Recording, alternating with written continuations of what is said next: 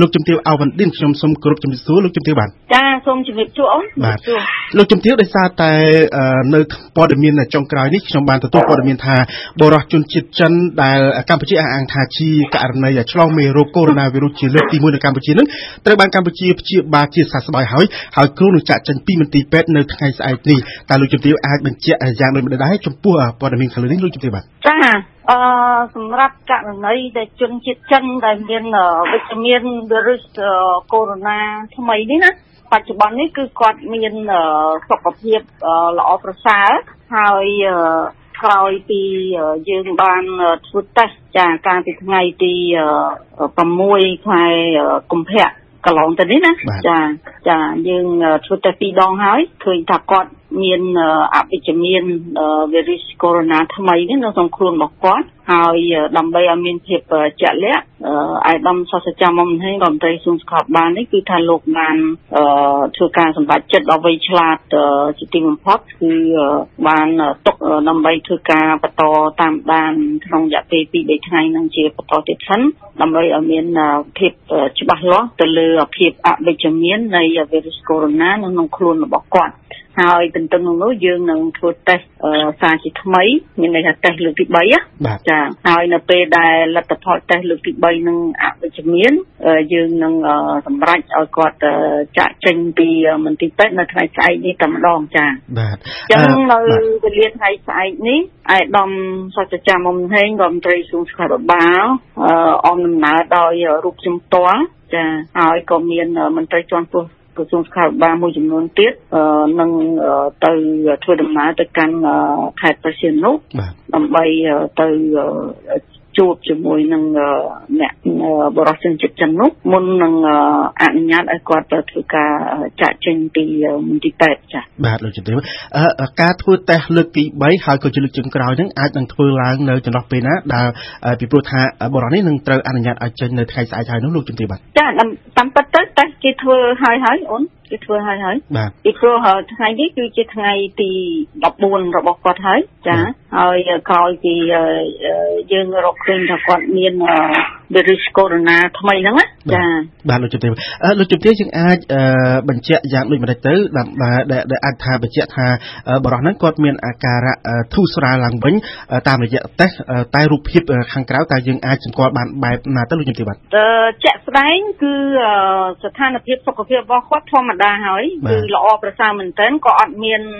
អាការៈអីដែលជារោគសញ្ញាអីដែលគាត់នៅសេសសល់មានន័យថាគាត់បើយើងនិយាយមកបែបទៅថាគាត់ជាចាគាត់ជាសះស្បើយចាគាត់ជាសះស្បើយណាមានធម្មតាតែកាលណាអស់មេរោគក្នុងខ្លួនគឺជាហើយអូនអាហ្នឹងវាជាជាទូទៅគឺកាលណាអត់មានមេរោគក្នុងខ្លួនធ្វើទុកបុកម្នេញទៀតមានន័យថាគឺគាត់ជាសះស្បើយពីវីរុសកូវីដ -19 ហ្នឹងណាបាទលោកជំទាវបើតាមប្រព័ន្ធផ្សព្វផ្សាយនៅថ្ងៃនេះថាអាដាមរដ្ឋមន្ត្រីមុំមុនហេងរដ្ឋមន្ត្រីក្រសួងសុខាភិបាលនឹងបានចាត់ទុកថានេះគឺជាជោគជ័យមួយរបស់កម្ពុជាដែលបានព្យាបាលបរិសុទ្ធជនជាតិចិនរោគនេះឲ្យជាសះស្បើយពីរោគកូវីដ -19 ប្រភេទថ្មីស្របពេលដែលមានរោគនេះបានសម្លាប់ប្រជាជនចិនដែលគិតមកត្រឹមថ្ងៃអាទិត្យនេះគឺមានជាង800នាក់ទៅហើយលោកជំទាវថាតើការព្យាបាលនេះដោយសារតែបរិសុទ្ធដែលឆ្លងមេរោគនៅក្នុងប្រទេសកម្ពុជានេះគាត់មានជំងឺស្រាលដែលងាយស្រួលដល់ក្រុមគ្រូពេទ្យកម្ពុជាក្នុងការព្យាបាលឬក៏មកពីក្បួនវិជ្ជសាស្ត្ររបស់កម្ពុជាពូកែលោកជំទាវបាទ ចាខ្ញុំសូមជាឱកាសនេះជំរាបជូនផងដែរថាមកដល់ពេលនេះតាមការពិនិត្យដែលយកចិត្តទុកដាក់ខ្ពស់បំផុតពីក្រុមគ្រូពេទ្យនៃមន្ទីរពេទ្យខេត្តព្រះសីហនុនោះយើងសង្កេតឃើញថាស្ថានភាពសុខភាពរបស់គាត់មាននិយាយឲ្យខ្លីថាស្ថានភាពជំងឺរបស់គាត់នោះដល់ពេលដែលយើងរកឃើញមានវិជ្ជមានវីរុសកូវីដ -19 ថ្មីនៅថ្ងៃទី27 ខែមករាឆ្នាំ2020នេះចាស្ថានភាពសុខភាពគាត់មានបញ្ហាខ្លះដែលគាត់សម្ដែងចេញឡើងដែលរោគសញ្ញាបានសម្ដែងចេញឡើងដែលពាក់ព័ន្ធទៅនឹងករណីវីរុសកូវីដ -19 ហ្នឹងក៏ប៉ុន្តែជាបន្តបន្ទាប់ក្រុមគ្រូពេទ្យរបស់យើងបានផ្ដល់ការពិនិត្យព្យាបាលទៅឃើញថាគាត់ក៏កាន់តែមានភាពល្អប្រសើរឡើងពីមួយថ្ងៃទៅមួយថ្ងៃហើយស្ថានភាពជំងឺរបស់គាត់គឺជាស្ថានភាពដែល យើងអាចធ្វើចំណាត់ថ្នាក់ចូលទៅ ក្នុងគេហៅថាករណីមិនធ្ងន់ធ្ងរទេចាមិនមែនជាករណីធ្ងន់ធ្ងរទេចាអញ្ចឹងនេះគឺជាចំណុចមួយ តែចំណុចមួយទៀតខ្ញុំសូមជម្រាបជូនថាអឺដូចយើងមានបទពិសោធន៍យើងក៏បានឮហើយពីសាធារណរដ្ឋជាមិត្តចិននោះបទពិសោធន៍នៅសាធារណរដ្ឋជាមិត្តចិននោះយើងសង្កេតឃើញហើយថាភាគច្រើននៃអ្នកដែលឈឺអ្នកអ្នកជំងឺដោយដែលមាន virus corona ថ្មីនេះគឺភាគច្រើនកើតឡើងនៅលើវ័យចំណាស់វ័យវ័យអាយុអាយុចាស់វ័យចំណាស់ហើយភាគច្រើនគឺនៅលើបរោះបើយើងគិតទៅថានៅនៅលើបរោះច្រើនជាងស្ត្រីចាហើយករណីធ្ងន់ធ្ងរដែលគេបានសង្កេតឃើញនៅសាធារណរដ្ឋជាមិត្តចិននោះគឺជាករណីដែលកើតឡើងទៅលើបុគ្គលដែលគាត់មានហៅថា ជំងឺប្រចាំកាយរបស់គាត់ស្រាប់ណាដូចជាជំងឺបញ្ឆ្លងដូចជាជំងឺអឺដែលគាត់មានបញ្ហាប្រចាំកាយដូចជាជំងឺទឹកនោមផ្អែមឬក៏ជំងឺឡើងឈាមឬក៏ជំងឺអីផ្សេងៗទៀតណាចាប៉ុន្តែដល់ឡែកសម្រាប់ករណីជនជាតិចិននៅខេត្តសៀនុនេះ សុខភាពគាត់អត់មានបញ្ហាអីផ្សេងទៀតក្រៅតែពីមានវីរុសកូវីដ -19 ថ្មីនោះទេបាទបាទជាលទ្ធភាពដែលយើងងាយស្រួលក្នុងការព្យាបាលបាទចានេះគឺជាចំណុចមួយដែលយើងត្រូវតែមានការចាប់អារម្មណ៍និងយល់ដឹងទាំងអស់គ្នាណាបាទលោកចាអញ្ចឹងការការពិនិត្យព្យាបាលរបស់យើងគឺទៅតាមលក្ខណៈនិងស្ថានភាពរបស់អ្នកជំងឺដែលយើងផ្ដោតទៅលើតែ ការព្យាបាលតាមបែបដែលមានពីមុនពីមុនមកហ្នឹងព្រោះយើងមានបទពិសោធន៍ច្រើនហើយប្រជាជនចក្រកម្ពុជារបស់យើងក៏មានបទពិសោធន៍លើការទប់ស្កាត់ការឆ្លងរាលដាលជំងឺសាជំងឺ MERS ណាបាទជំងឺ Ebola ជំងឺ Zika ជំងឺអីផ្សេងផ្សេងទៀតជាច្រើនទៀតហើយដូចយើងបានដឹងហើយថាជំងឺ virus corona ថ្មីនេះគឺជាពូជអម្បូរនៃពពួក virus SARS ណាតែវាមិនមែនជា SARS ទេក៏ប៉ុន្តែវាស្ថិតនៅក្នុងមែកធៀង ប្រហាក់ប្រហែលគ្នាដូច្នេះបទពិសោធន៍ដែលយើងមានកន្លងមកនេះយើងយកមកប្រើប្រាស់សម្រាប់ជួយក្នុងការផ្ដល់ការពិនិត្យព្យាបាលជូនទៅដល់បរិសុទ្ធជនជាតិចិនរូបនេះបាទលោកជំទាវអឺតើមានករណីដែលជំងឺនេះត្រូវបានព្យាបាលជាហើយហើយវិលមកឈឺវិញដែរទេឬក៏ចំណាលោកជំទាវបាទចានៅក្នុងករណីនេះតាមរយៈមន្ទីរពិសោធន៍នៃវិទ្យាស្ថាន Pasteur កម្ពុជារបស់យើងនេះបានបញ្ជាក់ពីលទ្ធផលអវិជ្ជមាននៃវីរុសកូវីដ -19 អឺហើយយើងនឹងនឹងដាក់ឲ្យគាត់ចេញពីមន្ទីរពេទ្យនៅថ្ងៃស្អែកណាហើយការដែលគាត់មានហៅថាអវិជ្ជមានវីរុសកូវីដ -19 នេះវាជាកាប់ពិតហើយថាគាត់អស់វីរុសនោះនៅក្នុងខ្លួនរបស់គាត់ហើយបាទក៏ប៉ុន្តែបុគ្គលហៅថាបរោះជនជាតិចិនរូបនេះ គាត់ត្រូវតែបន្តអនុវត្តនៅវិធានការការពារខ្លួនឲ្យបានខ្ជាប់ខ្ជួនពីព្រោះការរាតត្បាតនៅវីរុសកូវីដ -19 នេះថ្មីនេះគឺនៅតែមានបន្តនៅឡើយទេនៅនៅនៅលើសកលលោកនេះណាចា៎ហើយគាត់ក៏អាចមានលទ្ធភាពអាចនឹងឆ្លងមកទៀតចាប្រសិនបើគាត់មិនបានការពារខ្លួនរបស់គាត់បានត្រឹមត្រូវអញ្ចឹងខ្ញុំនិយាយស្រួលស្អាតទៅថា ការចម្លងលើកទី2នឹងអាចកើតមានគ្រប់ពេលវេលាទាំងអស់បើសិនបើគាត់មិនបានការពារខ្លួនរបស់គាត់នោះឲ្យបានត្រឹមត្រូវទេអឺលោកជំទាវបន្ទាប់ពីការចាក់ចេញពីមន្ទីរពេទ្យនៅថ្ងៃស្អែកតើបរិសុទ្ធជនជាតិចិនរូបនេះអាចនឹងត្រូវធ្វើដំណើរត្រឡប់ទៅកាន់ប្រទេសចិនវិញភ្លាមឬក៏ចំណាលោកជំទាវបាទនេះគឺជាការសម្រេចចិត្តរបស់បុគ្គលទេចាភារកិច្ចរបស់ក្រសួងសុខាភិបាលគឺយកចិត្តទុកដាក់ក្នុងការ ពិនិត្យព្យាបាលនិងតាមដានធ្វើម៉េចឲ្យស្ថានភាពអ្នកជំងឺនឹងបានល្អប្រសើរបាទដែលឡែកការសម្រេចចិត្តរបស់គាត់គឺអាស្រ័យទៅលើរូបគាត់និងក្រុមគ្រួសាររបស់គាត់ពីព្រោះក្រុមគ្រួសាររបស់គាត់3នាក់ទៀតនោះនឹងត្រូវមិននឹងត្រូវអាចមិនអាចទៀតគេថារួច បានរួចចាក់ផុតពីការសង្កេតសុខភាពនៅថ្ងៃស្អែកនេះផងដែរអញ្ចឹងក្រុមគ្រួសាររបស់គាត់នឹងបានជួបជុំគ្នាឡើងវិញចាហើយការសម្រេចចិត្តបែបណានោះគឺស្ថិតនៅលើបុគ្គលរបស់គាត់តែម្ដងចាបាទលោកជំទាវអឺលោកជំទាវនៅព្រឹកមិញនេះមានព័ត៌មានថាបរិសជនបរទេសម្នាក់បានដួលស្លាប់នៅឯអាកាសយានដ្ឋានអន្តរជាតិភ្នំពេញហើយមានការភ្ញាក់ផ្អើលថាអាចនឹងមានករណីឆ្លងមេរោគកូវីដ -19 នេះដែរក៏ប៉ុន្តែព្រាមៗនោះគឺថាសមត្ថកិច្ចសុខាភិបាលកម្ពុជាក៏បានចេញមកអះអាងថាការដួលសម្លាប់នេះគឺមិនពាក់ព័ន្ធទៅនឹងជំងឺកូវីដ -19 ទេហើយការដួលសម្លាប់នេះគឺមិនដាលមកពីខ្យល់គោអីជាដើមហ្នឹងតើលោកជំទាវមានការបញ្ជាក់ព័ត៌មានចុងក្រោយយ៉ាងណាដែរលោកជំទាវបាទចាលើករណីនេះខ្ញុំក៏បានតាមដាននៅ ព័ត៌មានឬក៏ស្ថានភាពនេះគិតបិទដែរចាក់លាក់ដែរហើយខ្ញុំក៏បានសង្កេតឃើញអ្នកនាំពាក្យអាកាសចរស៊ីវិលលោកបានចេញបញ្ជាក់នៅករណីរួចហើយក៏ប៉ុន្តែអ្វីដែលជាព័ត៌មានជាក់លាក់ដែលយើងទទួលបាននោះគឺបរិសុទ្ធរូបនេះมันមានពាក់ព័ន្ធអីទៅលើសំបីតែសង្ស័យបន្តិចក៏គ្មានដែរពាក់ព័ន្ធទៅលើករណីវីរុសកូវីដ -19 ថ្មីនេះចាអញ្ចឹងនេះគឺជាបញ្ហាសុខភាពរបស់គាត់ផ្សេងទៀតដែលគាត់ត្រូវធ្វើការពិនិត្យព្យាបាលដោយក្រុមគ្រូពេទ្យឲ្យមានភាពជាក់លាក់តែខ្ញុំសូមបញ្ជាក់ថាបរោះជនជាតិរូបនេះដែលបានដួលសន្លប់នៅអាកាសយានដ្ឋានអន្តរជាតិភ្នំពេញនេះมันមានពាក់ព័ន្ធទៅនឹងករណីវីរុសកូវីដ -19 ថ្មីនេះទេបាទអឺឆ្លៀតក្នុងឱកាសនេះដែរលោកជំទាវតើលោកជំទាវអាចធ្វើការបញ្យល់បន្តិចបានទេចំពោះការមន្ទិលសង្ស័យរបស់ប្រជាពលរដ្ឋខ្មែរចំពោះសមត្ថភាពនៃវិស័យសុខាភិបាលកម្ពុជាដោយមួយចំនួនហ្នឹងបានលើកឡើងតាមរយៈបណ្ដាញសង្គម Facebook ថាទីមួយកម្ពុជាមានករណីឆ្លងមេរោគតែមួយករណីនេះគឺដោយសារតែកម្ពុជានឹងមិនមានសមត្ថភាពគ្រប់គ្រាន់ដើម្បីស្វែងរកមេរោគនេះហើយទី2អាចថាមានការរកឃើញករណីមេរោគថ្មីដែរតែខាងកម្ពុជានឹងបានលាក់បាំងតួលេខជាដើមការលោកជំទាវមានការឆ្លើយតបយ៉ាងណាដែរចំពោះការលើកឡើងនេះលោកជំទាវបាទខ្ញុំសូមច្រានចោលនៅការលើកឡើងទាំងនេះនេះគឺជាការប្រមាថមើងងាយទាំងស្រុងមកលើក្រុមគ្រូពេទ្យមកលើសមត្ថកិច្ចមកលើការខិតខំប្រឹងប្រែងរបស់ប្រមុខរាជរដ្ឋាភិបាលក៏ដូចជាកិច្ចខិតខំប្រឹងប្រែងរបស់ក្រសួងសុខាភិបាល នៅក្នុងការចាត់វិធានការដើម្បីធ្វើការស្វែងរករុករក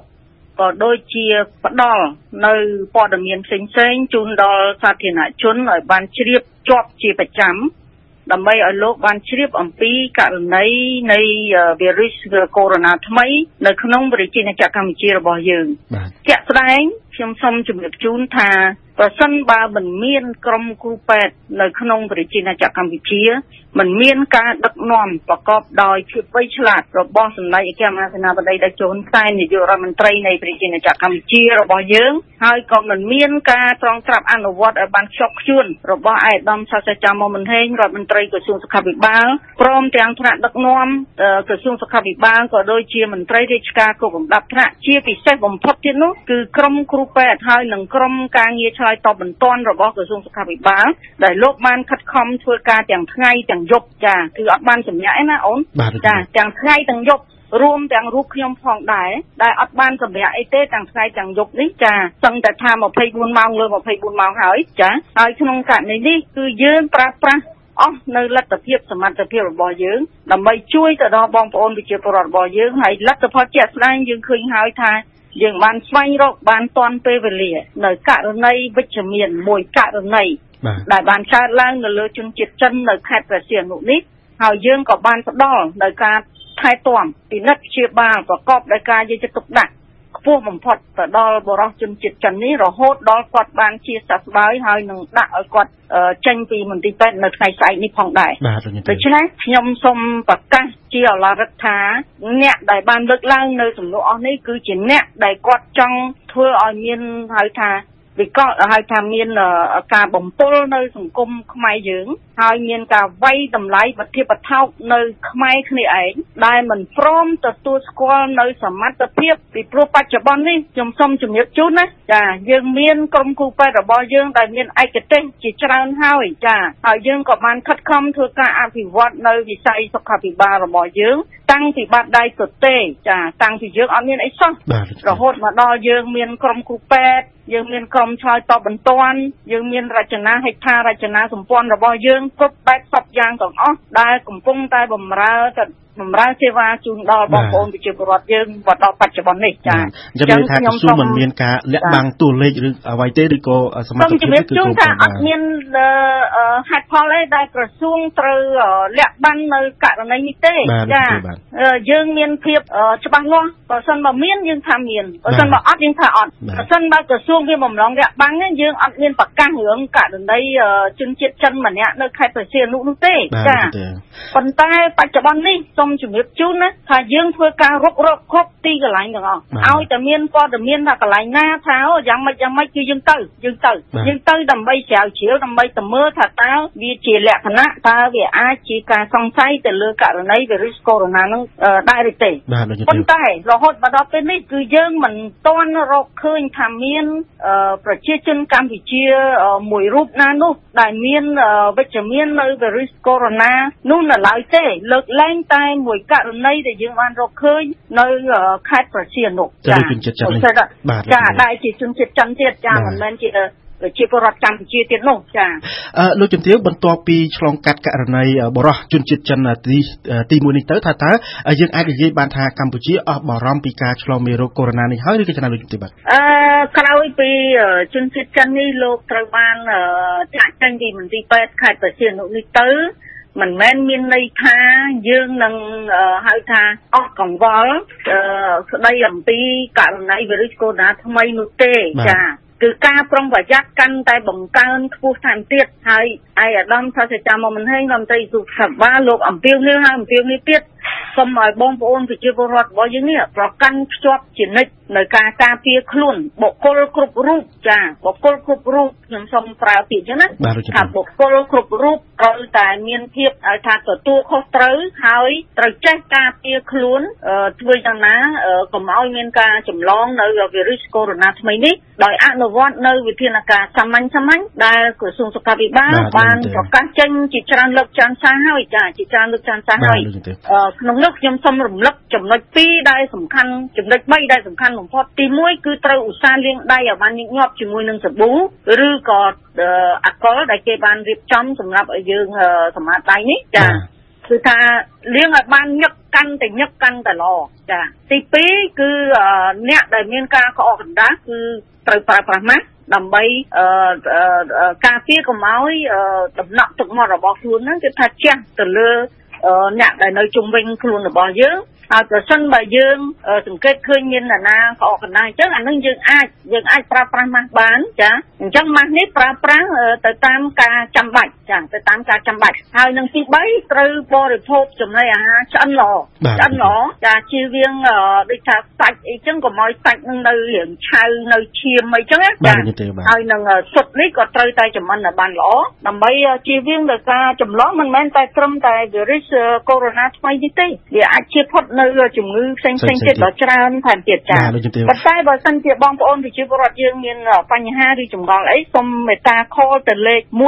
115ដែលជាលេខទូរស័ព្ទទាន់ហិការដែលបានរៀបចំឡើងដោយក្រសួងសុខាភិបាលបាទលោកជំទាវ